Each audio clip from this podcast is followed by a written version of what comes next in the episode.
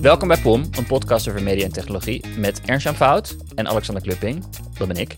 In deze miniserie over tech-optimisme laten we ondernemers, wetenschappers en pioniers aan het woord. Zij komen met oplossingen voor grote wereldproblemen door middel van gave techniek. En vandaag een bijdrage aan kankerresearch. Beter gezegd, Jos Joren werkt aan een behandeling voor kanker. Een doorbraak daarbij. Hij is medeoprichter van Mimetas, een bedrijf dat levend orgaanweefsel namaakt. En zijn idee is dat als je medicijnen maakt die afgestemd zijn op de patiënt, het beter is dan een medicijn dat een soort one size fits all moet zijn. Het is een heel interessant interview. Op Podimo kun je alle afleveringen deze serie alvast streamen. Ga daarvoor naar podimo.com slash pom. En dan nu, dit interview met Jos Joren.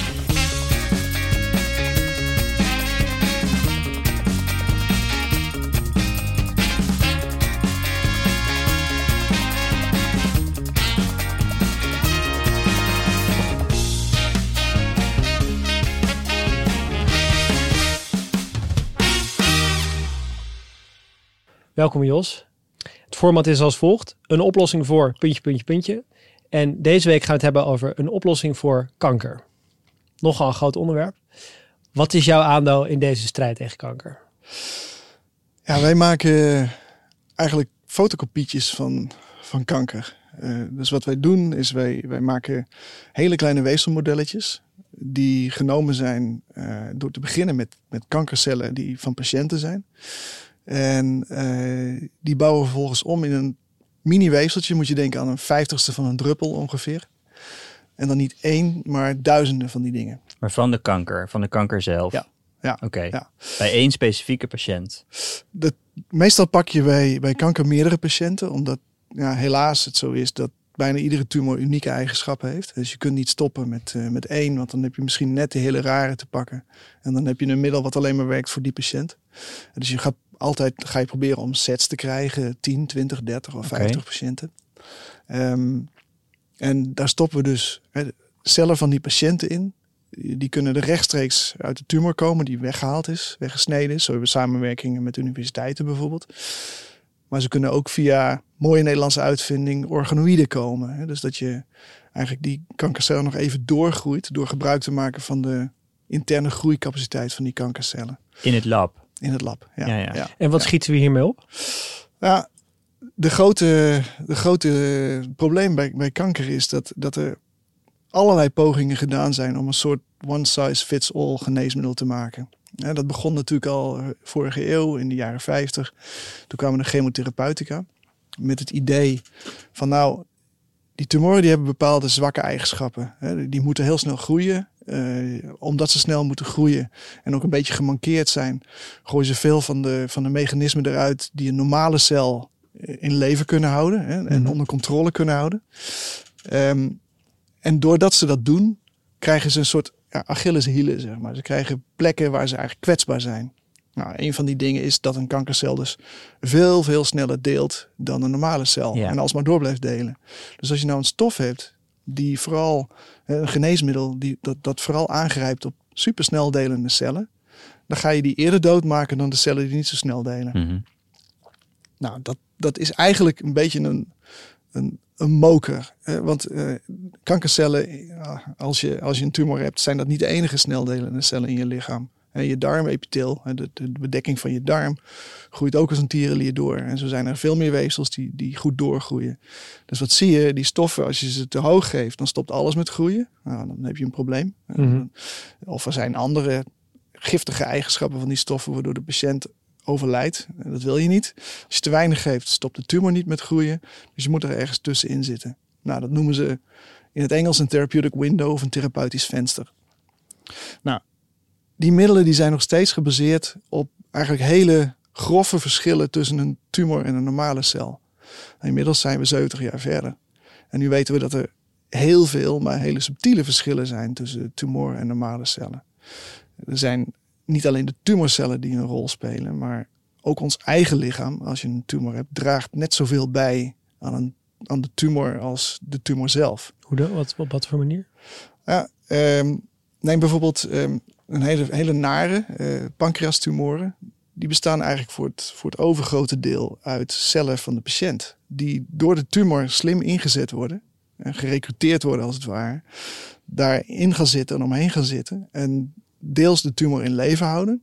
Het signalen geeft waardoor die tumorcellen kunnen blijven overleven. Maar ook de tumor afschermen van, van de rest. Waardoor chemotherapie, in welke dosis je, ook, het, je het ook geeft, eigenlijk niet of nauwelijks bij de echte tumor terechtkomt. En dat maakt het zo moeilijk te behandelen. Mhm. Dus ik geef maar aan, en zo zijn er, zo zijn er eh, tientallen voorbeelden te geven van, van een tumor die eigenlijk een soort ja, kaping doet van een stuk van je lichaam. Gebruik maakt van mechanismen die er al in zitten om goede redenen, om jezelf gezond te houden.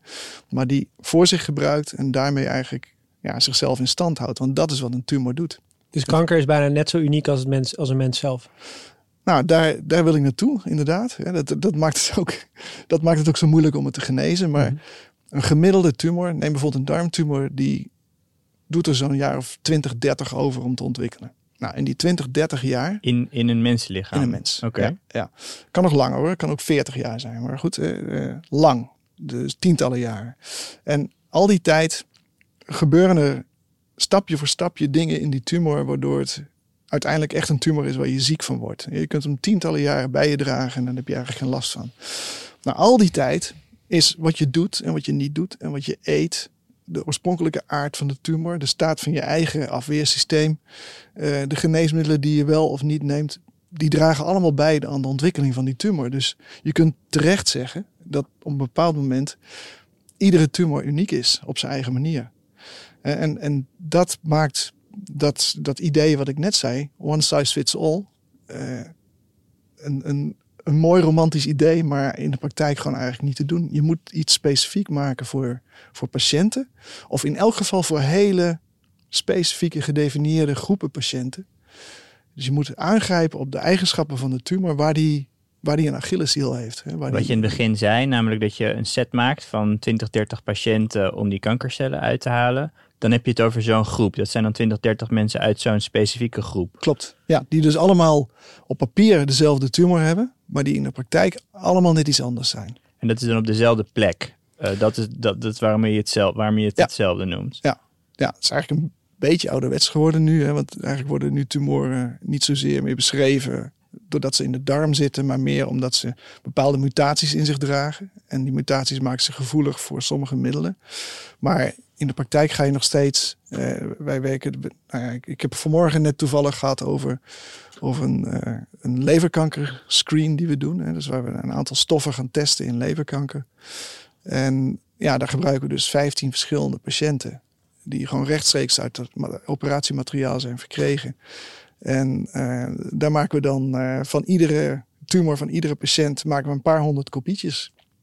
En kan je, werk je dan toe naar de mogelijkheid dat je eigenlijk scenario's kunt runnen per patiënt? Van welk, welk medicijn zou werken of niet? Dat is, de, dat is, dat is het ideale eind. hè. Eh, Daar kom ik zo op terug. Maar, maar inderdaad, je kunt dus in de eerste instantie zeggen: ik heb een stukje van de patiënt, hè, van de tumor van de patiënt. Dat breng ik in een organ on a chip, hè, want dat is wat we doen. Dat is dus een, een, heel orgaan klein op een chip. orgaan op een chip. Ja. Oké. Ja. Dan moet je dus niet denken. system on a chip, zoals Apple. Nee, een maar dat is orgaan op een precies. chip. Ja, dat is een orgaan. Ja. Eh, Dan moet je niet denken aan, aan iets wat eruit ziet als een orgaan, als een nier of een hart of zo. Het, is, het, het zijn cellen van een orgaan of van een stukje weefsel die ehm, in de ruimte op een manier bij elkaar gebracht worden wat heel erg lijkt op wat er in de mens te zien is. Hè, hoe- zoals, het- zoals het functioneert in de mens. Er zitten bloedvaten in, er zitten vloeistofstroompjes in, er zitten nou, eh, dekcellen in, dus epiteelcellen zoals dat dan heet. Ehm, maar ook eh, de steuncellen, het steunweefsel, fibroblasten. Hoe groot is dit? Wat, hoe, hoe groot is zo'n mini-orgaantje? Nou, ongeveer een vijftigste van een druppel. Dus je moet dan denken Oh, in een, eh, in En een paar, een paar honderd nanoliter ongeveer. En daar zit bloedvaten in. Ja. Door die bloedvaten- had ik een soort groot ding in mijn in, Ja. in gedachten. Maar die zijn Ja, ja, maar dat, die, zijn, eh, die, die bloedvaatjes die zijn eh, nou, afhankelijk van hoe we ze maken, maar een, een paar honderd micrometer. Dus laten we zeggen 1, 2 tienden van een millimeter. Tot 5 à 10 micrometer in doorsnee. Dat is super klein. Daar kan net een cel zich doorheen persen, zeg maar. Dat zijn onze kleinste bloedvaten ook werkelijk. Hm. En op iedere 10 celdiameters van iedere cel in ons lichaam zit een bloedvat. Dat is onvoorstelbaar. En dat zijn de aller, allerkleinste bloedvaatjes dan. En groeien je die dan in feite in die chip, zoals je dat noemt? ik, neem, Ja. ik neem aan dat je een heel klein deeltje uit die tumor eh, losmaakt. En, en ja, is, is dit dan wat het kweken is? Is dit, is- dit- dit- je laat het echt groeien. Je, Ja. je lacht, want ik weet werkelijk niet waar ik het over heb. Maar Nee, het is echt, het is ja, het is een kweekje maken eigenlijk. Wat, wat we doen is, eh, en, en het is anders dan een kweekje maken. Want klassiek kweken in het lab is, ehm, je pakt cellen en je kijkt of ze op een plaatje willen plakken. Eh, dus Ja. het, het echte kweken in petrischaaltjes, zou ik maar zeggen. Ja, dat heb met biologie nog Nou, gedaan. Precies. Hè, dus dan, eh, en dat is al een eeuw oud, of meer dan een eeuw oud. En, en de hele truc daarvan is dat je cellen pakt, je maakt ze los in, eh, tot het allemaal losse cellen zijn. Hè. Een stukje weefsel maak je losse cellen van. Die gooi je in een bakje en dan kijk je welke van die cellen aan het oppervlak willen kleven. Nou, daar zit al een selectiestap in. Hè. De meeste willen dat niet. Nou, dan ga je kijken welke willen groeien. En daarvoor geef je ze media die ze optimaal laten groeien. Als het nou allemaal goed gaat, dan heb je aan het einde van de rit een plat vlakje met cellen. Maar Nou. het is niet meer representatief eigenlijk, zeg je. Wij Nee. zitten hier eh, in deze kamer, wij zijn hartstikke driedimensionaal. Ja, Cellen zien andere cellen om zich heen en geen plastic of glas. ja. Dus zo'n 2D-kweek, hè, zo'n tweedimensionale celkweek, is per definitie gewoon niet representatief. Dus wat doen jullie dan? Wij doen het in drie dimensies. Dus wij, wij maken een ruimtetje eigenlijk.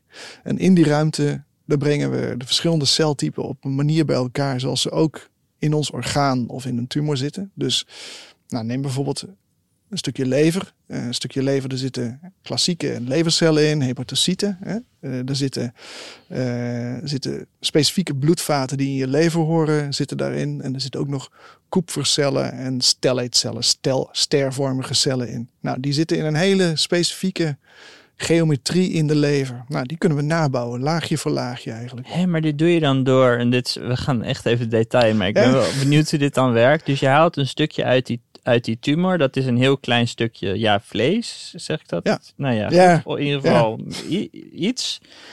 En dan kun je die cellen kun je dan splitsen, als ik het goed begrijp, en identificeren. Ja. En dan op een bepaalde volgorde in die chip brengen. Klopt. Ja, daar zit een. ehm, die eh, organs on chips, het zijn chips. Het zijn andere dan die, eh, die, die system on a chip die je net noemde. van Want er Apple. zitten kanaaltjes in hè, waar, waar, waar vloeistoffen doorheen gaan. Dat zit in die chip, bedoel je? Ja, zit in onze chips. Het zijn, er zijn ook wat groter. En wat tegenwoordig maken ze eh, elektronische chips op 3 tot 5 nanometer. Wat Ja. minder klein. Nou, dat heeft helemaal geen zin, biologisch. Dus wij maken kanaaltjes van 100, 200, 300 mu. Fysieke kanaaltjes, Ja. gewoon gootjes als Ja, het ware. Klopt. Oké. En de- de- het trucje van, van, het, van het product waar dat hele verhaal, hè, ons hele verhaal op gebaseerd is, is een microfluidisch trucje. En microfluidica is eigenlijk gewoon hetzelfde als dat je de kraan openzet, maar dan heel klein. En als je kraan heel klein is en je buisjes worden heel klein, dan gedragen vloeistoffen zich op een hele bijzondere manier. En een van de dingen die daar een rol bij spelen is dat capillaire krachten. En dat ken je allemaal wel. Je hebt, je hebt, je hebt een glas, je giet het vol en je giet er nog iets bij en dan heb je een meniscus. Ja. Dat er een bolletje water blijft zitten. Een kopstootje. Ja, En, eh, Een kopstootje, Ja. exact. Ja, dan moet je niet te veel trillen. Dan, eh, gewoon- nou. Ja. Ja, dus die, die kop die erop zit, eh, die, dat houdt in dat je kracht moet uitoefenen op het water. Of op het jenever, wat je er ook in Ja. wil doen. Om over het randje van het glas te vloeien.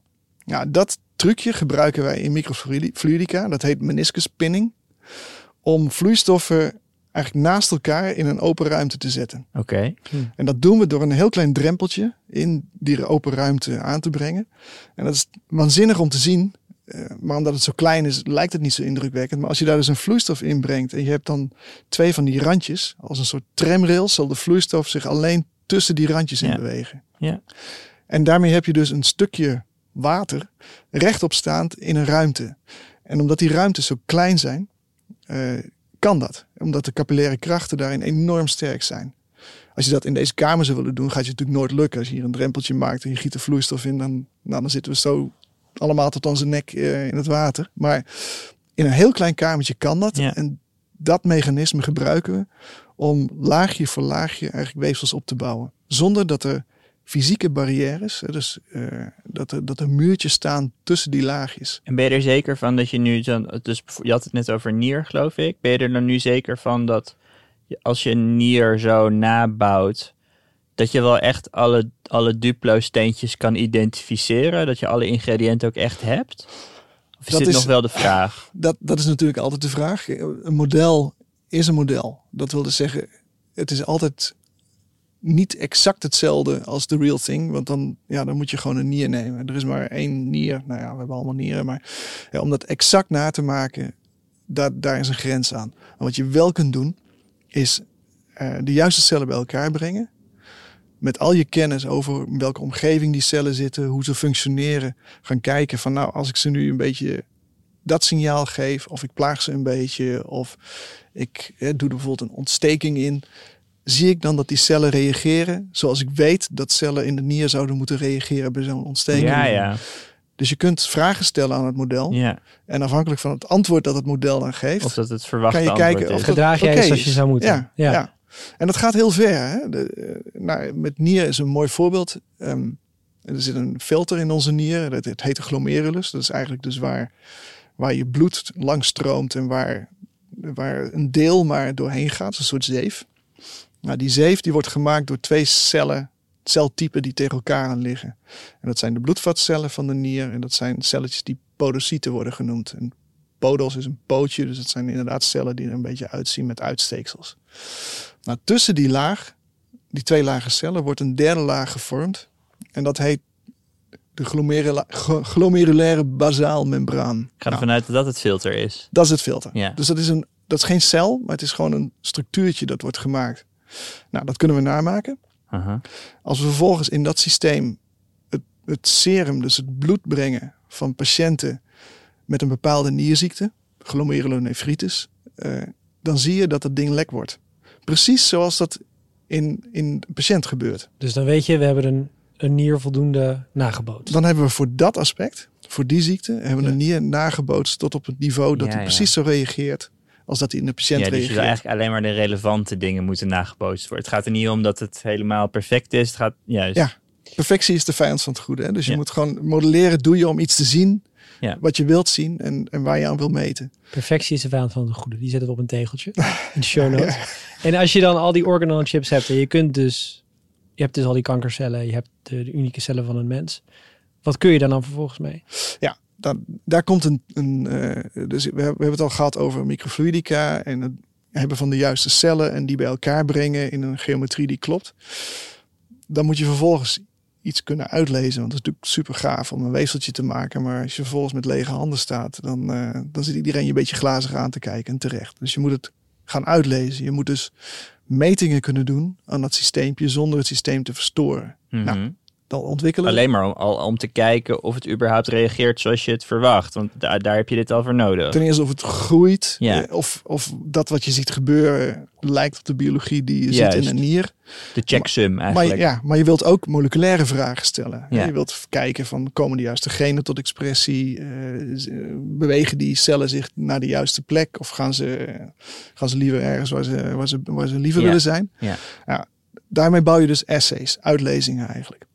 En als je zo'n uitlezing hebt, dan is het derde, ja, het superbelangrijke aspect, is geneesmiddelen ontwikkelen, is gewoon aantallen. Dus één zo'n niermodelletje is heel leuk, maar totaal zinloos. Heeft niemand wat aan. Je moet honderden, duizenden, tienduizenden van die kopieën kunnen maken. Dus jij vraagt, wat ga je nou doen? Nou, je gaat dus, als je eenmaal een model hebt dat ergens op slaat, eh, Mhm. wat je dus gevalideerd hebt, waardoor je weet van kijk, het reageert op de juiste manier, er zitten de juiste cellen in, het ziet er goed uit voor een gemiddelde bioloog, zou ik maar zeggen. Eh, We Ja. hebben van alles aan Een bekeken. solide lever heb je te pakken. Ja, precies. Echt en echte. Ehm, dan kan je daar duizenden of tienduizenden potentiële geneesmiddelen instoppen en kijken hoe dat, hoe dat ding zich gaat gedragen.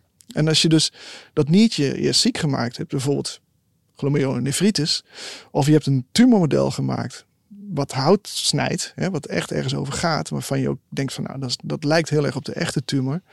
Nou, dan wil je hem zien stoppen met groeien bijvoorbeeld. Hè. Of je wilt dat je in één keer immuuncellen krijgt in dat model die de tumor Ja, wel ja. gaan aanvallen, terwijl ze hem anders met rust laten. dit is niet iets wat je visueel kan zien in dat ding. Dit is die, die, die uitslagen, dat is. Dat, hoe, hoe, hoe krijg je zo'n uitslag tot je? Ja. Het is om te zien is het sowieso te klein. Ja. Ja. Ja, je kunt, je kunt eh, de, de plaatjes waarop we die modellen maken zijn ongeveer 8 bij 12 centimeter. En er zitten er dan 40 tot 100 op Oké. ongeveer. Ehm, zoiets. Ja, zoiets. Echt, ja. echt zoals een Ja. system on a chip. Ja, Voor mensen die video kijken, zoiets. Het is eigenlijk lomp groot hè, voor een chip. maar, ja. eh, maar als je zo'n plaatje hebt, dan, ehm, dan, kun je die modelletjes wel zien zitten. Maar dan moet je echt hele goede ogen hebben. Dus in de praktijk lezen we dat uit met geautomatiseerde microscopen. Dus die microscopen die gaan eigenlijk van vakje naar vakje. Die maken dan op verschillende lagen foto's. Eh, en dat kan, kan een heel dun laagje zijn. En die foto's worden achteraf in elkaar gezet. Tot je weer een driedimensionale eh, representatie hebt. Een plaatje. Oké, maar van het is wel echt visueel dus. Het is een, een visuele analyse van dat... Ja, ja. Dat is de eerste, de eerste stap. Het is Ja. visueel en dat kun je een beetje helpen door aan eh, bepaalde onderdelen van die cellen dan eh, lampjes te hangen. Dus door fluorescente stofjes eraan te hangen, dan krijg je Ja, ja. kleurtje en dan Hmm. krijg je van die prachtige plaatjes, die heb je vast wel eens gezien. En Ja. Met knalrooie en knalgroene en knalblauwe cellen. Nou, dat is, dat is één. Kijken. Eh, biologie is een hele, hele, hele visuele wetenschap. Als het is een soort uit- van binair wat eruit komt. Zou je dan kunnen zeggen, ik doe deze stof erbij, dus het moet groen worden als het een bepaalde verwachting is. Soms dus wel, dat is een eentje, soms wel, meestal niet, niet. altijd. Het is Want- meestal dus subtieler. Eh, dus, dus naast kijken eh, doen we ook een, een hele zwik andere uitlezingen. Dus je kunt bijvoorbeeld, ehm, ja, vast wel eens gehoord van sequencing, hè, dus DNA-sequentiebepaling. Nou, dat kunnen we ook doen in die modellen. Dus dan ga je uitlezen welke genen zijn er nou eigenlijk aan en uitgezet terwijl ik dat geneesmiddel geef.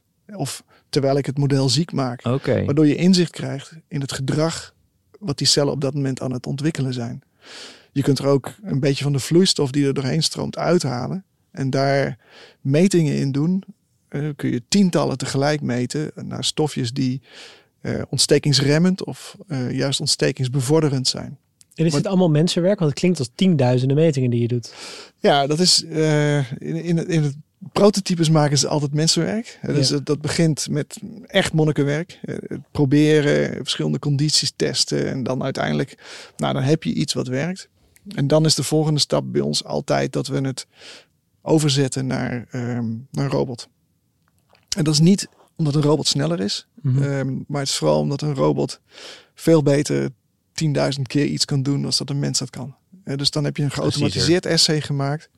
En dan kan je dus een, een hele bibliotheek van, van potentiële geneesmiddelen op zo'n tumor of op zo'n zieke nier of een zieke lever eh, eh, zetten. En dan kijken welk stofje het gewenste effect heeft. en een geneesmiddel daarop toepassen op één zo'n eh, hokje, hoe noem je het hokje in, in coole taal? Eh, ja, chip. Wij noemen Dat is de chip. Ja, ieder, ja. klein, eh, ieder klein eh, niertje is, een, is één chip. Ja, of een modelletje. Ja, ik heb er niet zo'n cool woord voor. Moet nog een Maar- cool Kan woord. Alexander bij helpen? Een cool woord verzinnen. Maar oké, maar één zo'n vakje dan. Kun je dan geneesmiddel daar gewoon op pipetteren, als Ja. het ware? Oké. Ja, dus omdat de vloeistof, eh, de, zeg maar kunstmatig bloed eigenlijk, door dat weefseltje heen stroomt. eh, Dat, dat stroomt heen en weer. Eh, en je hebt aan de bovenkant van die chips, eh, zitten eigenlijk gewoon eh, gaatjes. En in die gaatjes kun je dus Jeetje. geneesmiddeltjes... Maar is dan uiteindelijk het idee dat je dit dan voor, als je één patiënt hebt, dat je dan een stukje van de tumor afhaalt, dat je die als het ware 10.000 keer splitst, Ja. die 10.000 keer op zo'n chip legt en 10.000 verschillende medicijnen of verschillende doses of wat dan ook toedient. En dat je dan als het ware, die robot gaat bij alles kijken, wat is het resultaat en dat hij dan... Dit is de droom, maar je kijkt me echt meewarig aan. zo Nee, ja, ja, nee, ja, nee, ik kijk je niet. Nou, het is, dat, dat is absoluut de droom. Eh, het is niet wat we nu doen, want nu helpen we met name bij het ontwikkelen van nieuwe middelen. Maar wat je zegt is gewoon een hele goeie, want ik ben er persoonlijk van overtuigd. Hè, want we begonnen met te zeggen, is iedere tumor dan uniek? Ja, waarschijnlijk wel. Dus hoe moet je het dan behandelen? Nou, op een unieke manier. En Ja. het is daarnaast ook nog eens een keer zo dat de tumor die je nu aan het behandelen bent, niet de tumor is die je over twee maanden aan het behandelen bent. Want het is niet alleen uniek, maar ook adaptief. Het past zich aan aan omstandigheden. Juist. Hè, dus als je een tumor een linkse directe geeft, dan moet ik het even goed zeggen, dan gaat hij, eh, ja, dan gaat hij naar links. Dan, dan, beweegt, dan beweegt hij weg. Ja, ja. ja. Eh, dus dan moet je vervolgens niet links blijven slaan, want dan Nee. staat hij er niet meer. Nee. En dan moet je een andere klap geven. Eenvoudig gezegd zijn we nu, de medicijnen die we nu hebben, tegen kanker die zijn zo'n soort schot hagel. En we willen toe naar precisiewapens. Precies. En, en eh, het is niet.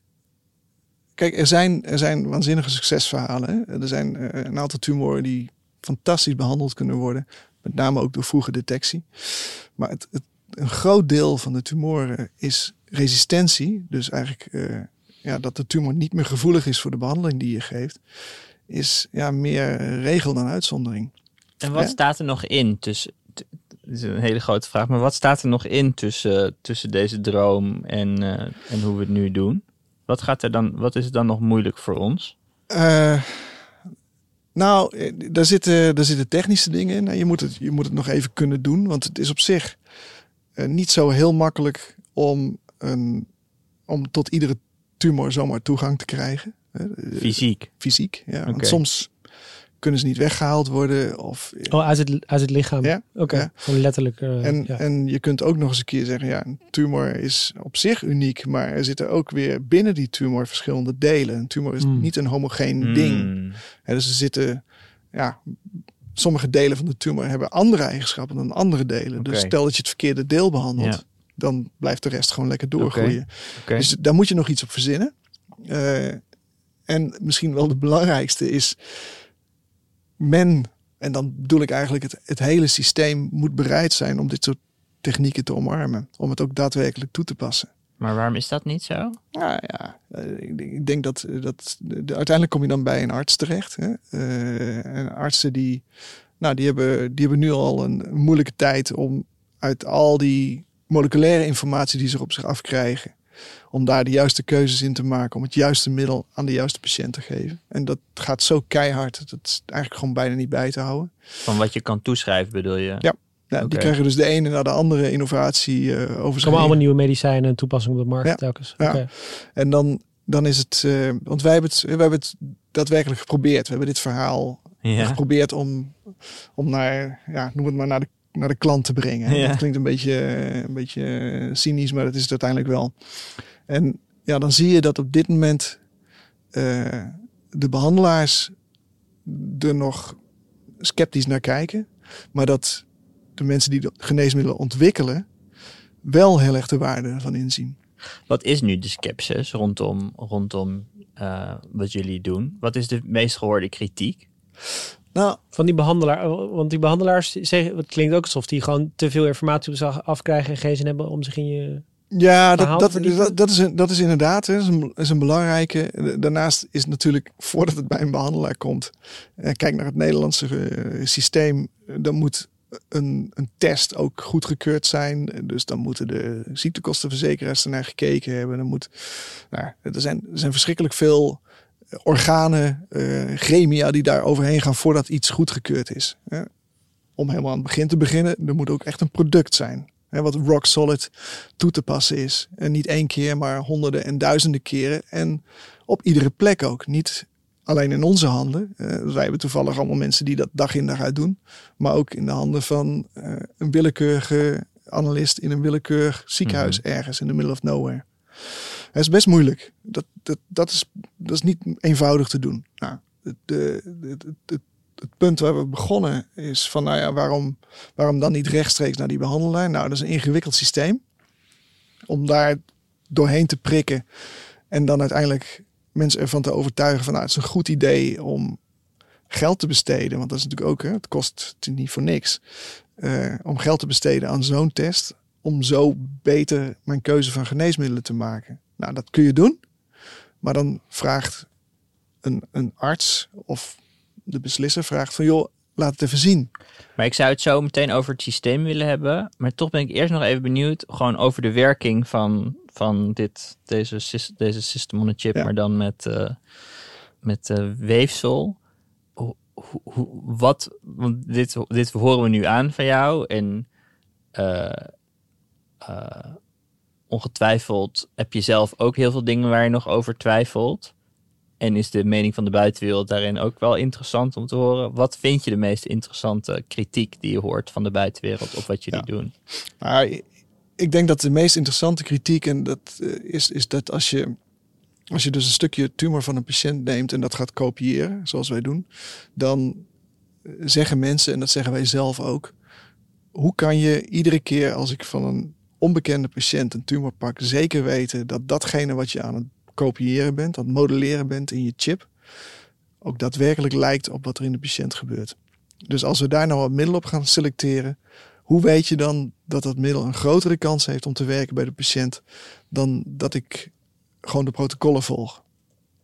En, en dat is natuurlijk een hele, een hele belangrijke, want eh, neem bijvoorbeeld um, nou, borstkankerbehandelingsprotocollen zijn waanzinnig efficiënt. Mhm. En mensen worden daar echt beter van. En Mhm. niet even, maar Je bedoelt te zeggen, het is onethisch om, eh, om jouw ding echt in de praktijk te brengen, want je weet niet of het beter gaat werken dan dat andere. Nou, ik zou het niet eens onethisch willen noemen. Ik denk dat het eigenlijk heel ethisch zou zijn, want ik, ik ben ervan overtuigd dat het beter kan.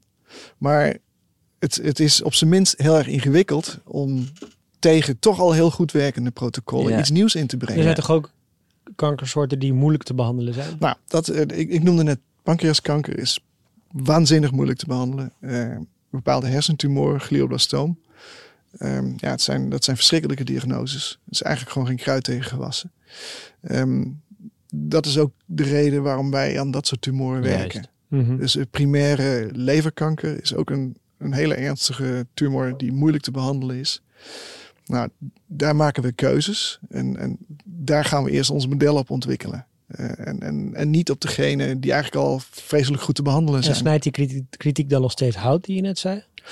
Ja, ehm, nou, kijk, er zijn. als eerste moet je, moet je als bedrijf, als je iets maakt en er zijn geneesmiddelenontwikkelaars die daar dolgraag mee aan het werk willen, ja, dan, dan heb je daar gewoon een business mee. Daar kun je, daar kun je de rekeningen mee betalen. Ehm, het is een grote stap om dan van het praten met farmaceutische bedrijven, geneesmiddelenontwikkelaars, te gaan naar oké, nu gaan we gewoon rechtstreeks verkopen aan, eh, aan, aan, aan een arts. En met een totaal ander kanaal. Eh, dat is eigenlijk alsof je een geneesmiddel verkoopt. Nou, daar komt nog bij dat voordat je dat überhaupt kunt doen, moet je de werking ervan aantonen als ware het een geneesmiddel. Hè, daar zijn hele strenge regels voor. Dus dan moet je klinische trials gaan organiseren om te laten zien dat het werkt. Nou, klinische trials zijn, zijn gewoon peperduur om te doen. En Dus wij als bedrijf wij ontwikkelen technologie en we brengen het naar de plek waar op dit moment mensen er het meest bereid zijn om ermee te werken. Ja. In de toekomst sluit ik niet uit dat, dat, dat we dit toch gaan doen. Hè, Maar dan ja, moeten we groter zijn. Dan moet er ook uiteindelijk ja, investeringsgeld zijn om dit aspect van de technologie verder te Maar is ontwikkelen. het niet ook zo dat, dat jouw eh, technologie eigenlijk een soort tussenstap is bij toeding, bij niet alleen het testen en het uitvinden van nieuwe medicijnen, maar ook het herstellen van ziektes die mensen al hebben? Dat het in feite een soort van tussenstap is die je altijd wil toepassen. Want het is, het, het is de, de, de, de missende schakel om naar iedereen persoonlijke ofwel medicijnen te ontwikkelen op de persoon, ofwel te testen eh, op. eh, Ja. Dus, dus het klinkt een beetje alsof het een. Het, is niet een vervanging voor hoe je nu borstkanker eh, eh, gaat genezen. Maar het, is, het voelt als een, als een tussenstap, als een soort van als een checksum. Ja. Het voelt als één grote checksum. Daar helemaal mee eens. Ja. En, en, en dat, dat zou dus, hè, als je dan eh, bekijkt vanuit de betalers, en dat zijn wij met z'n allen uiteindelijk, hè, dan, dan voeg je dus kosten toe aan. ja, oké. maar, maar, maar toch de kritiek erop. Zeggen mensen dan deze stap is overbodig? Of zeggen mensen dan. Maar wat is dan, wat is dan de kritiek? Nou, momenteel eh, gebeurt er heel veel met, met genoom sequencing. Ja, dus eh, vooral met kankertherapie wordt er ontzettend veel gesequenced. Dus daar, daarbij is eigenlijk het idee dat als ik nou de DNA-volgorde weet van een tumor, dan weet ik ook wat daar missen is. En als ik weet wat er missen is, dan geeft mij dat aanwijzingen hoe ik die tumor zou moeten behandelen. Mhm. Nou, dat gaat soms op, maar het gaat ook heel vaak niet op. Desondanks wordt er ontzettend veel gesequenced momenteel. Er wordt dus heel veel op ingezet om die Mhm. technologie toe te passen. Het heeft ook hele grote voordelen, want tegenwoordig doe je het met twee vingers in je neus. Het kost heel weinig meer En je kunt gewoon van iedere patiënt die, die langskomt, zou je wij spreken, een sequ- sequentie Ja, om kunnen in maken. technologietermen te blijven, het is heel aantrekkelijk om de broncode te bekijken en te kijken of je in de broncode de bugs kan vinden. Precies. In plaats van ja, deze system on a chip metafoor, ik weet niet hoe, hoe we die helemaal zouden doortrekken, maar in plaats van een soort van mini clone, eindelo- eindeloze clones maken. Het is misschien een, Allemaal scriptjes laten runnen. En ja, in een neuraal, in een Ja. neuraal eh, algoritme. Een soort Nou, van is- heel veel. Ik denk inderdaad dat het, het is precies wat je zegt. Want je kunt je broncode debuggen. Maar je kunt ook eh, testers zetten met je, eind, met je eindsoftware. Hè? En Gewoon met die software laten werken en dan Ja, laten, laten zeggen van kijk, hier gaat het fout. Als ik Ja. dit doe, dan gaat het fout. maar dan wel in ook. een fabriek met twintigduizenden naast elkaar. Exact. Ja. Die allemaal hetzelfde ding aan het doen zijn, maar net, net iets anders. ja, precies. Hoeveel robots zijn er nu eigenlijk bezig, terwijl we dit gesprek voeren? Eh, bij ons staat eigenlijk één robot te draaien. En dat ding dat kan eh ontzaglijk veel doen. Dat kan meer doen dan dat wij momenteel willen doen. Maar we willen er nu Hmm, wel machines oké. bij zetten. Want het is, kijk, uiteindelijk zo'n kweekje, daar hoef je niet de hele dag op te letten. Hè. Dus dan moet je eh, dus een beetje medium vervangen, zodat ze weer lekker doorgroeien. Soms moet je geneesmiddel toevoegen. Soms moet je opzetten. Nou, dat is altijd maar een, een, een dagwerk of zo. En dan staat het weer een paar dagen lekker door te groeien. En dan doe je er weer wat mee. En dus je kunt een robot op meerdere manieren voor parallele experimenten gebruiken. Ja, Oké. Maar sorry, ik onderbrak je. Je was aan het uitleggen waarom eh, dit nu nog niet toegepast wordt. ja heel goed. Ja. En, eh, dus er, er is een ehm, vrij vaak toegepast alternatief. Hè? Dus dat was er al eerder. Ja. Genoom sequencing. En mensen eh, ja, hebben daar veel vertrouwen in gesteld. En voordat je dan Ja. op een punt komt van we gaan daar een nieuwe technologie op stapelen, moet, je, moet je eerst wel heel helder maken dat je beter bent dan wat daarvoor was. Ja. Want ze moeten hun hele beeld eigenlijk aanpassen. Of zeggen, het is niet het hele verhaal, er moet iets bij. Nou, Ja. dat begint zo langzamerhand nu. Hè, dus de, de, al die technieken, die noemen ze omics. Hè, dat is eigenlijk dus het sequencen van je, van je DNA-genoom, heet genomics. Mhm. Maar je kunt ook eh, RNA-sequencen, dat zijn dan eigenlijk de kopieën waar, waar eiwitten van gemaakt worden. Dat heet dan transcriptomics, van transcript. Dat is een, eh, een kopie van je DNA. Je hebt de proteomics. En dan heb je nog meerdere omixen. En je zou kunnen zeggen, wat wij eigenlijk doen is tissue-omics of zoiets. Hmm. Of eh, phenomics. Het, phenomics komt dan weer van, van een ander mooi woord, fenotype. Dat is datgene wat je ziet dat er gebeurt. Ja. Nou, eigenlijk is die, die hele strijd hè, van, van genoom naar fenoom, zou ik maar zeggen, is, is een beetje een, ehm, eh, is een filosofische strijd ook. ja. Want er is eh, al een jaar of 50, 60 ontwikkelen wij geneesmiddelen volgens een reductionistisch principe. Waarbij we eigenlijk zeggen, nou, deze ziekte wordt aangedreven door een specifiek eiwit. Dat is je die hypothese. Dat eiwit, dat heet een target. Als ik dat eiwit rem, dan wordt de patiënt beter. Nou, hoe kom je nou bij een target? Dat komt door een hele berg onderzoek. Daarom zijn die farmaceuten zo blij met academisch onderzoek. Er wordt vaak gekeken van, oké, welk gen gaat nou eigenlijk aan bij deze patiënten? Of welke genen gaan aan? En als je dat nou vaak genoeg vindt, en je kunt er ook nog een beetje het verhaal rondom bouwen, dan kun je met, met een redelijke waarschijnlijkheid zeggen van, nou, dit is een target wat mij in staat stelt, bijvoorbeeld om die tumor te behandelen. Of om die ontstekingsziekte te behandelen. Nou, met het moment dat ze een target hebben en ze denken van, ah, oké, dat, dat is hem, ik ben er goed zeker van, dan gaan ze dus stoffen ontwikkelen die dat eiwit kunnen remmen. Vanaf dat moment zijn de tests die gedaan worden super simpel. Dan doe je 2D-kweekjes en als je het echt wat ingewikkelder wil doen, dan doe je dierproeven. Nou, zowel 2D als dierproeven vertalen gewoon heel slecht naar de mens. Dus laten we zeggen, de menselijke relevantie van geneesmiddelenontwikkeling is heel hoog voordat je start. Zodra je start is die heel laag en dan blijft die heel laag tot het moment dat je weer een patiënten gaat testen. Ja. En dan faalt 19 van de Ja, 20 ja, ja, En geneesmiddelen. dat tussenstuk wil je eigenlijk ook naar mensen. Precies, we willen dat stuk omhoog brengen. Eh, En eh, dat is eigenlijk nu ons eerste doel, omdat daar... ehm, ja, maar onderscheid je dan nu eigenlijk drie methodes? Je hebt de genome sequencing aan de ene kant. Aan de andere kant eh, heb je de eh, eerst menselijk eh, en dan heel lang eventjes dierproeven en dingen. En dan probeer weer mensen en dan faalt het. Eigenlijk ben jij een soort van toevoeging op die eerste methode. Zeg je, die eerste methode moet je wel degelijk blijven doen. Naast genome sequencing. Ik ga ervan uit dat je daar niet tegen bent. Nee. Maar de, die, eerste methode moet eigenlijk rijker gemaakt worden. In plaats van het over een totaal andere boeg gooien met genome sequencing. Wat we gewoon nog niet helemaal uitgeplozen hebben, als ik het goed begrijp. Nou, ik begon dus met dat genome sequencing om, om eigenlijk een beetje de split aan te geven tussen eh, target, eh, DNA-denken is, is reductionistisch. Mhm. En daarbij ga je er eigenlijk vanuit, ik, ik identificeer een klein schakelaartje in het systeem en ik ga dat schakelaartje behandelen. Ervan uitgaande dat je het systeem begrijpt. Mhm. Maar dat laatste is niet zo. We Oké. begrijpen het systeem niet. Onze kant is, dus de fenotypische kant, phenomics, is, is veel holistischer. Wij zeggen eigenlijk van, ja jongens, het systeem is ingewikkeld. Wat kunnen we doen om er toch iets fatsoenlijks mee te doen? Nou, dat is gewoon heel vaak te kopiëren onder heel gecontroleerde eh, omstandigheden. En dan eigenlijk dat, dat nare, ingewikkelde, adaptieve biologische systeem gebruiken om daar direct geneesmiddelen in te ontwikkelen. En wordt het, is, het iets wat nu door, is het iets wat nu door eh, farmaceutische bedrijven wordt overgenomen, jouw, met, jouw methodiek? Ja. Of ik zeg jouw methodiek. Ja, maar het is, het is- deze technologie. het is niet van mij, Nee, het is ook niet van ik. ons. Het is, eh, er zijn, Maar deze technologie? ja, absoluut. Eh, Dus er zijn wel meer mensen die ervan uitgaan dat je naast genome sequencing ook dit nodig hebt. ja, Dus absoluut. dat je de benodigde paradigmaverschuiving die begint nu plaats te vinden. Ja, dat heeft natuurlijk, eh, daar zijn we al, nou ja, gewoon al, al tien jaar mee bezig. Niet alleen wij, maar ook collega-bedrijven die, die, die, die vergelijkbare technologie, eh, technologieën hebben.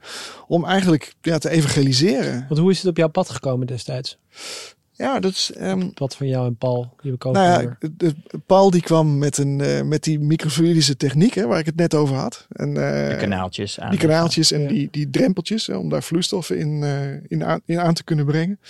En ehm, die zei van, joh, eh, jij zit in de biotech, wat, wat kun je ermee doen? Dus wij hebben gewoon afgesproken om te eten en eh, veel te veel, is all you can eat Japans en, eh, en veel te veel sake gedronken. En toen hadden we twintig ideeën.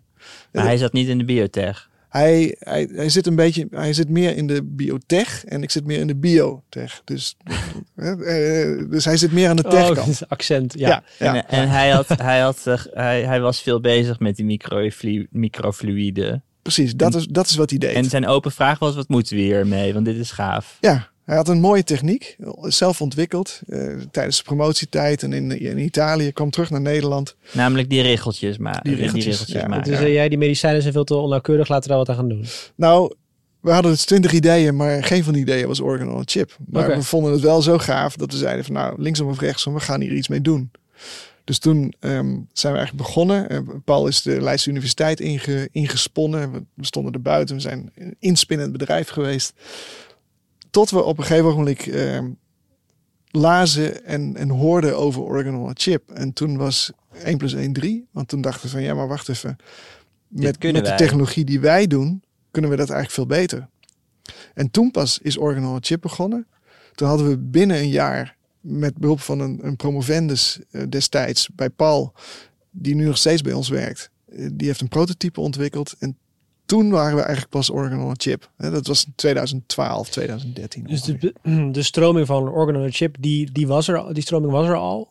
En daar zijn jullie op aangehaakt met de regeltjes Ja. uitvinding van Paul. Ja, we zijn eh, wel de, de eerste geweest die gezegd hebben dat wij een organ on a chip bedrijf zijn. De, onze collega's in Boston, ehm, die hebben een hele, hele beroemde hoogleraar die, die eigenlijk gewoon het idee, ja, zeg maar, eh, mainstream heeft gemaakt in de wetenschap in elk geval.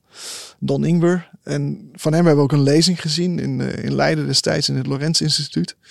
En ehm, ja, dat bracht ons weer op nieuwe ideeën.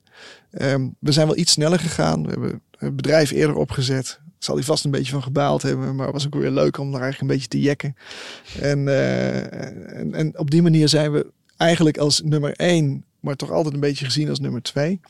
En op den duur zien we nu door de, door de eigenschappen die wij in ons Organ Chip platform hebben ingebouwd. Dus eenvoudig te hanteren, eh, goed uit te lezen en grote aantallen. Zijn we nu gewoon nummer één in de wereld geworden. Dus toen jullie begonnen was het, was het echt revolutionair. En nu begint het langzaam geaccepteerd te raken. Ja, het is, de, de techniek is niet meer revolutionair. Mhm. Maar je ziet nog wel dat, dat eh, geneesmiddelenontwikkelaars, eh, ja, die moeten hun hoofd er nog omheen krijgen. Ja. Dus ze zien en geven ook toe. Hè, want wij, ik hoor regelmatig als ik met, bij farmaceutische bedrijven langs ga, dat ze zeggen van, ja, weet je, eh, we werken wel aan die en die ziekte, noem maar, neem maar eh, de ziekte van Crohn of zo. Maar we begrijpen hem eigenlijk niet echt goed. En daarom doet iedereen maar ongeveer hetzelfde. En dat is ook zo. Er zijn twee, twee solide therapieën voor de ziekte van Crohn. En ja, die behandelen de ontsteking. That's it. Eh, niet de oorzaak, niet de schade die het aandoet. Eh, dus de, de littekenvorming, waar je uiteindelijk ook enorm veel last van krijgt en houdt. Dus er zijn relatief weinig originele manieren om die ziektes aan te pakken. En hetzelfde geldt voor tumoren. Het, het, het beste waar we tot, tot voor kort mee op de proppen konden komen, was stoffen maken die het tumorcellen zo moeilijk mogelijk maken. Mhm. En ze doodmaken liefst. Nou, er is, het is ongeveer 20 jaar geleden, maar 15 jaar geleden uitgevonden en is nu enorm. We weten nu ook dat een tumor ons immuunsysteem ontwijkt eigenlijk. Hè, Dat hij het immuunsysteem platlegt en, eh, en, en doofstom maakt. Nou, die drempel kan je overkomen, waardoor je eigen immuunsysteem je tumor weer gaat aanvallen. Nou, dat, dat is nou echt een, een, een enorme ontwikkeling momenteel. Hè. In, in, in kankergeneesmiddelen is dat gewoon ja, een van de beste dingen die er gaande zijn. Ja, maar er zijn niet- relatief weinig van dat soort nieuwe, originele ideeën. Eh, Ja. Omdat, omdat het nu eenmaal verschrikkelijk moeilijk is om bij een ziekte die door heel veel verschillende mutaties kan worden aangedreven, die zodra die zich openbaart 10, 20, 30, soms 40 jaar oud is, dus enorm verschillend is tussen patiënten, om daar via een reductionistische manier eh, geneesmiddelen op te ontwikkelen. Met de suggestie dat je begrijpt hoe het werkt. En jongens, laten we gewoon toegeven. We begrijpen heel veel, maar we begrijpen niet precies hoe het werkt. En daarom falen heel veel middelen nog steeds. Hey, En om een begrip te krijgen van wanneer we hier met z'n allen als, als potentiële kankerpatiënten de vruchten van kunnen gaan plukken. Even vanuit bedrijfsmatig perspectief. Hoe, hoeveel miljoen heb je met Mimetas opgehaald inmiddels? Momenteel. Eh, Je moet nu eh, nadenken 27 over- miljoen dollar. Over 70? Wat je mag 27. zeggen. 27 Ja. miljoen dollar. Ja. ja, dat klinkt als een hoop, maar in biotech is het echt een druppel op de gloeiende plaat. Ja. Wij doen het op een, eh, wij doen het op een, op een, op een, eh, op een koopje. Oké, Ja. Dus met 27 miljoen dollar investeringsgeld zit je... Twee- 2,7 zitten we nu. Dus, eh, dus eh, ja, En eh, want eh, dat verwachten die investeerders op een gegeven moment terug te verdienen. Wat vertel je hen over de roadmap? Wanneer... Wat is, wat is de timeline die, eh, die je Ja. als je vertelt? Nou, we zijn nu, eh, zoals het eh, een goed biotechbedrijf betaamt, zijn we voor onze serie C eh, bezig. Eh, we zijn een uh, vergevorderd stadium, dus eh, nou, we hopen die eh, financiering ook binnenkort te gaan sluiten. Kan ik zeggen over de tijdlijn of wie, maar nou, Je slaapt wel weinig. ja, dat, dat, dat, dat heeft ermee te maken. Ja. Ehm, de volgende fase is dat we eh, onze ideale exit is een IPO. Dus dat we niet alleen het bedrijf, maar ook de visie en het gedachtegoed eh, zelfstandig overeind houden. Ik denk dat dat belangrijk is, want ik denk dat, dat als je dit verhaal nog tien jaar gaat vertellen, dan wordt het steeds meer mainstream en ga je ook daadwerkelijk in de richting waar we het in het begin over hadden, dat je het wellicht ook voor patiënten en individuen kunt gaan toepassen. En Komen mensen wel eens naar je toe met eh, die, die ten einde raad zijn en hopen dat hier eh, de oplossing zit? Ja. Hoe gaat dat? Ja. Ja, dat is natuurlijk eh, dat, dat is soms echt hemeltergend. Ik, ik heb een keer een, een, verhaaltje mogen vertellen in, in de Ridderzaal. Eh, Dat was een TEDx-verhaal en daar stond iemand op en die bood zijn hersentumor aan. Hmm. Ja, dat stond ik wel een beetje met mijn bek vol tanden. eh, want ja, wij, wij kunnen. We zouden er iets mee kunnen, maar we mogen er nog niks mee op dit moment. Bij, door, bij de wet. Ja, en eh, want daar moet dus een soort van behandeladvies uit voortkomen. En alleen een arts mag een behandeladvies geven. Eh, dus daar, daar zijn we nog niet. En we Vind je hebben dat het ook nog niet. Ja, in zekere zin wel. Maar ik, kijk liever naar, naar de positieve kanten. Wij, wij zijn nu, wij, wij helpen geneesmiddelenontwikkelaars om betere geneesmiddelen te maken. Ja, En tuurlijk. dat gebeurt ook. We zien dat op grond van onze modellen stoffen geprioriteerd worden, meer in wordt geïnvesteerd, of zelfs hele nieuwe stoffen gevonden worden die echt een nieuw ontwikkelpad ingaan en een andere richting aan kunnen geven van nou, bijvoorbeeld de, de behandeling van de ziekte van Crohn. Ehm, eh, we zijn met, met Roche bezig op dat gebied. Eh, bekende farmaceut, super innovatieve farmaceut, maar die dit toch doet. Dat is enorm gaaf. Maar er zijn er nog vele andere. Dus ja, ik, ik, ben, ik ben altijd heel blij en trots dat we daaraan, dat we daaraan mee kunnen werken. En dat we daar iets mee eh, kunnen betekenen. En hopelijk. Nou, ik zie geneesmiddelenontwikkeling als een ijsberg. En het tipje, dat zie je en dat is altijd wel makkelijk. Nou, dat hebben we eigenlijk zo'n beetje wel gehad. Ja, de, de, de eenvoudige dingen die zijn geweest.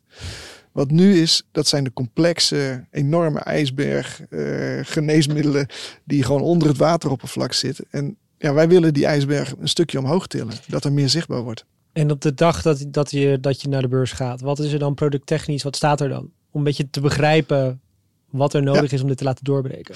Nou, ik denk uh, dat, dat als wij naar de beurs gaan, dan hebben we een, uh, een flink aantal partnerships, dus uh, samenwerkingen met, met geneesmiddelenontwikkelaars om betere middelen te maken op specifieke uh, uh, ziektes. Hè. Dat, um, dan hebben we nog steeds, en dat, dat blijven we nu doen, een soort van service waarmee we problemen oplossen. Dat is een beetje u vraagt en wij draaien. Dus dan komen ze met een vraag van joh, ik heb een model nodig voor dit of een model nodig voor dat. Of ik ik loop tegen dat probleem aan met dit geneesmiddel. Nou, dan maak je dan een mooi werkplan op en ga je uitvoeren. Dat noemen we fee for service. Mm -hmm. Dat is iets anders dan een partnership, want je lost. Je, de partnership lost het hogere probleem op en een fee for service lost gewoon het probleem op. That's it. Um, en als derde hebben we dan nog steeds, en dat doen we nu ook, onze producten die we brengen zowel naar academische onderzoekers en die dan lekker hun ding mee kunnen doen en die ja, weer unieke nieuwe toepassingen kunnen ontwikkelen in Orgazon chips. Uh, maar ook naar farmaceutische bedrijven die ja, het gewoon liever zelf willen doen. Er, er zijn altijd nog mensen die zeggen van nou, ik geloof het alleen als het in mijn handen gebeurt. En er zijn geen technische doorbraken die nog gemaakt moeten worden. Uh, Want je hebt het nu over allemaal eigenlijk samenwerkingen. Ja. Dus de, de, business development kant. Ja, klopt. Maar technisch niet zozeer. Nou, we hebben, we hebben altijd een wensenlijst. En dat is natuurlijk het leuke van in een techbedrijf.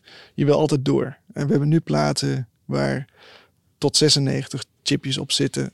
Um, ja. Dat kunnen we verdichten. Uh, we kunnen ook naar 384 gaan. Ja. Vier keer zoveel. Maar we kunnen ook functionaliteiten toevoegen.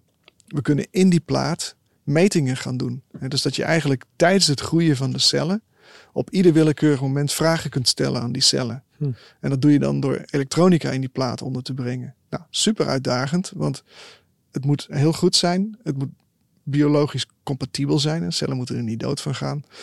En het moet ook voor een habbekrats kunnen, want ja, wat wij maken is, is een wegwerpartikel. Hè? Ja. Je gebruikt het en je gooit het weg. Um, andere dingen zijn dat wij, dat we heel graag um, de stroom in onze chipjes maar één kant op willen laten gaan.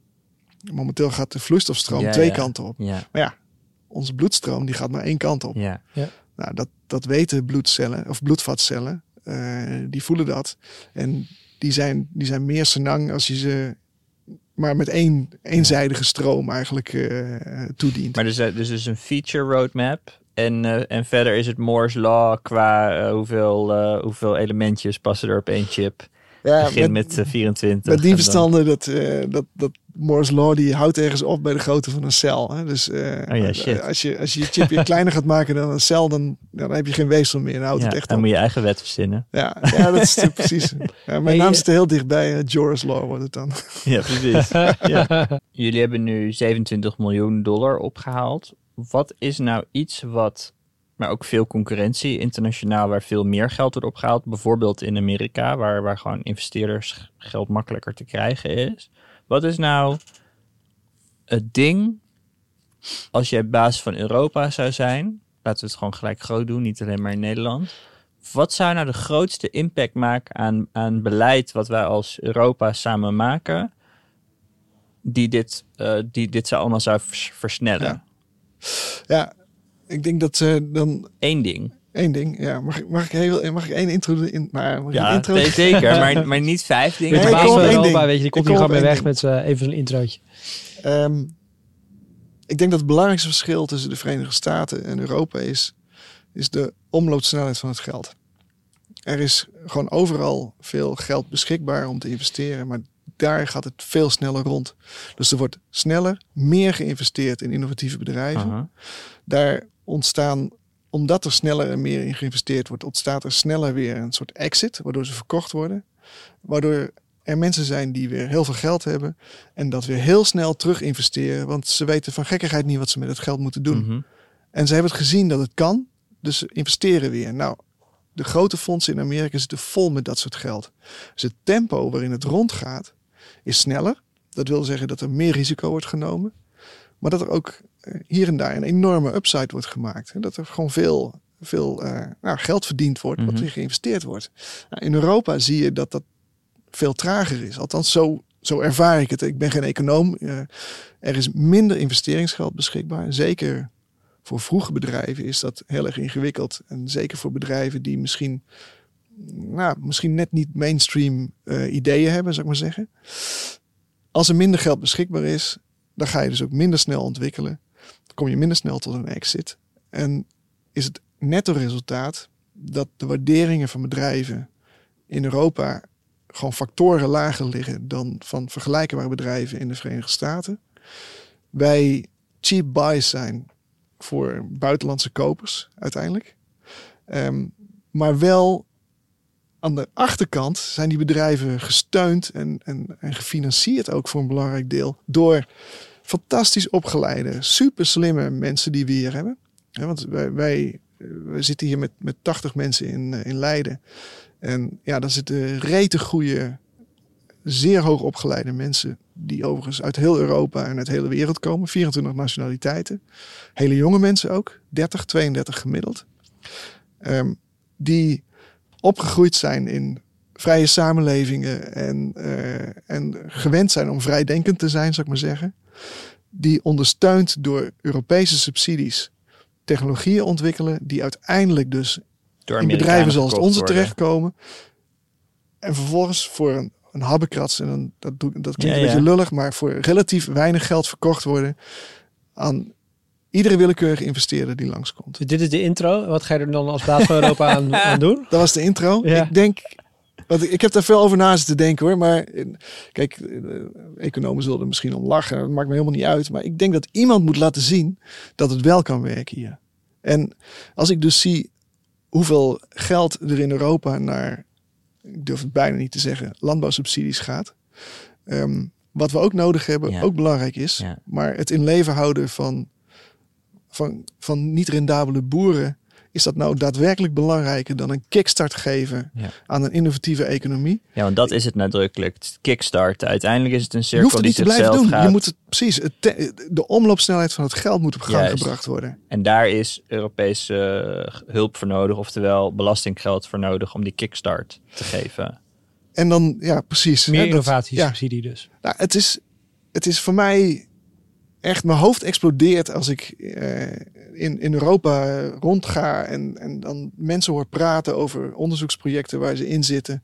En dan is het al van, oh ja, ja, moeilijk dit, moeilijk dat. En nou ja, we zijn ook niet zo snel als die Amerikanen. Ik denk, joh, alsjeblieft, kijk even wat er gebeurt. Kijk even wat er aan innovatie hier gebeurt. Fantastische biotechnologische ontwikkelingen, fantastische technologische ontwikkelingen. Ja, aan alle kanten lopen we voor. aan. Maar het komt minder snel tot iets. Ja. Ja, en dan blijf je elkaar een beetje glazig aan zitten kijken. Van Ja. ja, het is toch eigenlijk wel een beetje kut in Europa. Ja, je ziet het een beetje Ja. klein nu toch? Dat het kan werken. eh, wat je net omschreef, van die, die, dat vliegwiel eigenlijk van geld dat vrijkomt, waar er weer meer geld terug wordt geïnvesteerd. Dat zie je nu in Amsterdam of in Nederland een beetje met eh, het geld van Adyen en alle investeerders daarvan en, en, en Molly en hoe dat nu rond. Ja, de fintech. ja. Nou, dat is misschien wel een, een, een, een mooi ecosysteem, zeg maar. Waar, waar daar op een gegeven moment is aangetoond van jongens, het kan. Ja. Hé, maar hoe kan het dan dat, dat het in veel andere aanpalende velden of heel andere velden gewoon niet lekker op gang wil komen? Als jij met een mooi idee. En nou goed, ik, was, ik zat laatst in, in, de, in de jury van zo'n challenge. Ja, daar zitten echt gewoon hartstikke leuke ideeën bij. Nou, eh, het aantal investeerders wat ze kunnen krijgen is op de vingers van één hand te tellen. Ja, dan weet je geld. En op het gebied van regelgeving, wat zou je daar, wat zou daar de grootste meerwaarde geven? Ja, met wat we nu doen, en dat is ook niet eh, toevallig eh, is er eigenlijk geen regelgeving. Hè? Dus de regelgeving komt pas op het moment dat je met een geneesmiddel naar de kliniek wil. Nou, daar, daar vind ik, en dat is overigens niet alleen voor Europa zo, dat is overal. eh, er is tientallen jaren zijn er dierproeven gedaan. Tientallen jaren hebben we informatie verzameld dat ze slecht voorspellend zijn voor wat er in de mens gebeurt. De eerste vraag die ons gesteld wordt, als wij een, een proef of een test als alternatief daarvoor willen aanbieden, is: kun je laten zien dat het even goed is als dieren? en dan denk ik: oké, jongens, eh, als iemand met een nieuwe telefoon komt, is dan je vraag van kun je laten zien dat die even goed is als de telefoon met een draaischijf die ik 50 jaar geleden had? Dat is een hele domme vraag. Ik snap wel dat je die vraag stelt, eh, omdat je namelijk niet patiënten eh, een risico wil laten lopen. Maar stel hem nou eens anders en, en denk er nou eens anders over na. Dus als regelgever, en dat is dan de EMA hier, hier in Nederland eh, of in, in Europa en de, en de FDA. Mhm. Ik bedoel, het zijn super slimme mensen. En ik weet ook dat er een enorme verantwoordelijkheid op ze rust. Maar dit soort dingen, deze, dit soort ontwikkelingen moet je... Ja, dan moet je gewoon out of the box, out of the box denken. Welke vraag moeten ze je dan stellen? Ehm, ik denk dat ze moeten faciliteren dat dit soort technieken ehm, in prospectieve, dat wil zeggen voorspellende eh, trajecten, meegenomen moeten gaan worden. En dit is ook een stukje dwang wat nodig is om datgene wat we al 30, 40 jaar doen, eh, door een alternatief te gaan vervangen. En dat ga je niet doen door ernaar te blijven kijken. Dat doe je om gewoon een tijdje lang extra kosten te nemen en het parallel mee te laten lopen.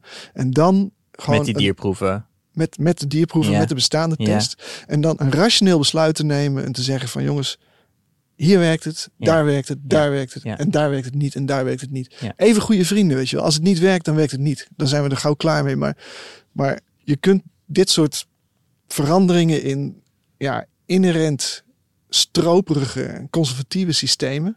Er is ook een commerciële, commercieel belang bij, toch? Want als het als, als die tijdens die testfase die heel lang duurt en dus veel geld kost, blijkt dat die dierproeven niet het gewenste resultaat hebben, als in die test die mislukt, dan zou je toch zeggen dat jouw methode ernaast runnen commercieel interessant Ja. moet zijn. Ja, Maar waarom, waarom, als het commerciële belangen zijn om dit te doen, waarom doen die farmaceuten dan nog niet allemaal? Eh, het cynische antwoord is: het is niet, het is niet noodzakelijk. En dat is, dat is echt een beetje de, de slang die zijn eigen staart opeet. Want Maar het is toch commercieel interessant als je sneller bij een werkend medicijn bent? nou, dan bekijk je het vanuit het positieve. Maar ehm, stel een farmaceut, die, die- ik ben een farmaceut, ik wil een middel naar de markt brengen. Ik weet dat zodra het in de patiënt komt, eh 1 op de 20 slaagt. Dus mijn kans is sowieso al heel erg laag. Aha. Maar ik ga dat nooit te weten komen als ik niet in de patiënt kom. Dus alles wat ik daarvoor doe, daar neem ik het laagst mogelijke risico op. Ik ga er niet tests bij doen die misschien gaan vertellen van dat ding is niet veilig. Ik doe gewoon de test die men veronderstelt, die, die men aan mij vraagt, zou ik maar zeggen. Om uiteindelijk in de patiënt het definitieve antwoord te Je krijgen. voegt je naar de bestaande regelgeving omdat je weet dat je daar geen risico's loopt. Omdat je, je, je, hebt, je hebt risico dat je, je hebt extra risico dat je geneesmiddel uitvalt vroeg. En daarbij is het ook nog eens een keer extra duur. Dat geld is misschien niet eens het belangrijkste. Maar, maar dat is, denk ik, hè, ik, ik weet het niet. Ik ben natuurlijk niet iedere geneesmiddelontwikkelaar in de wereld. Maar als ik het mechanisme zie, dan denk ik dat het zo werkt. En hoe kan je daardoor berekenen dan? Doordat je op een gegeven moment gaat zeggen... we maken een soort van eh, eh, ja, veilige enclave... waarbij je er een extra Secure test... Enclave, zou Apple dat noemen op de System on a Chip. Precies. Ja? waarbij je er een test bij doet die nog geen consequenties heeft voor de uitslag van je middel, maar die wel de kans geeft om het nieuwe ten opzichte van het oude te vergelijken. En het is hoe dan ook een tijdelijk probleem, hè? want daar moet je eh, vijf à tien jaar doorheen. En over vijf of tien jaar, dan hebben wij met de hele organ chip community laten zien dat één, we innovatieve middelen kunnen maken. En twee, dat die dingen kansrijker zijn in de patiënt. Als we dat niet hebben laten zien, dan hebben we ons huiswerk niet goed gedaan. En dan moet, er- moet er misschien maar iets anders komen. Maar als we dat hebben laten zien, betere middelen en ze falen minder snel in een patiënt, dan is dat hele verhaal niet meer nodig, want dan wil iedereen het. We gaan het misschien nog wel meemaken dus. In ons Ik menselijk. hoop het in ieder geval nog mee te maken, anders kan ik Ja. beter ophouden, toch? Nou, in ieder geval iets van een timeframe. Dankjewel. Ja. Graag gedaan. Dit was POM, een podcast van Alexander Klupping en Ernst Jan Fout. Eh, met een team dat in een professionaliteit ver overstijgt. Bianca Schrijver heeft de redactie gevoerd. Bianca, dank. Botte dank, podcastkoning, omdat het zo lekker klinkt dankzij jou. Miemaker, Schijm. Ja. Tune is van Tamber.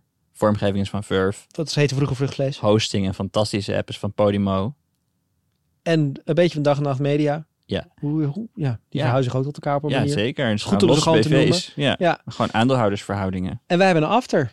We hebben een after waar we door gaan praten over dit gesprek. Ik wil het even hebben over de montage. Dat ga je dadelijk horen. Kan nooit meta genoeg bij POM. en eh, Tot volgende week. tot volgende week.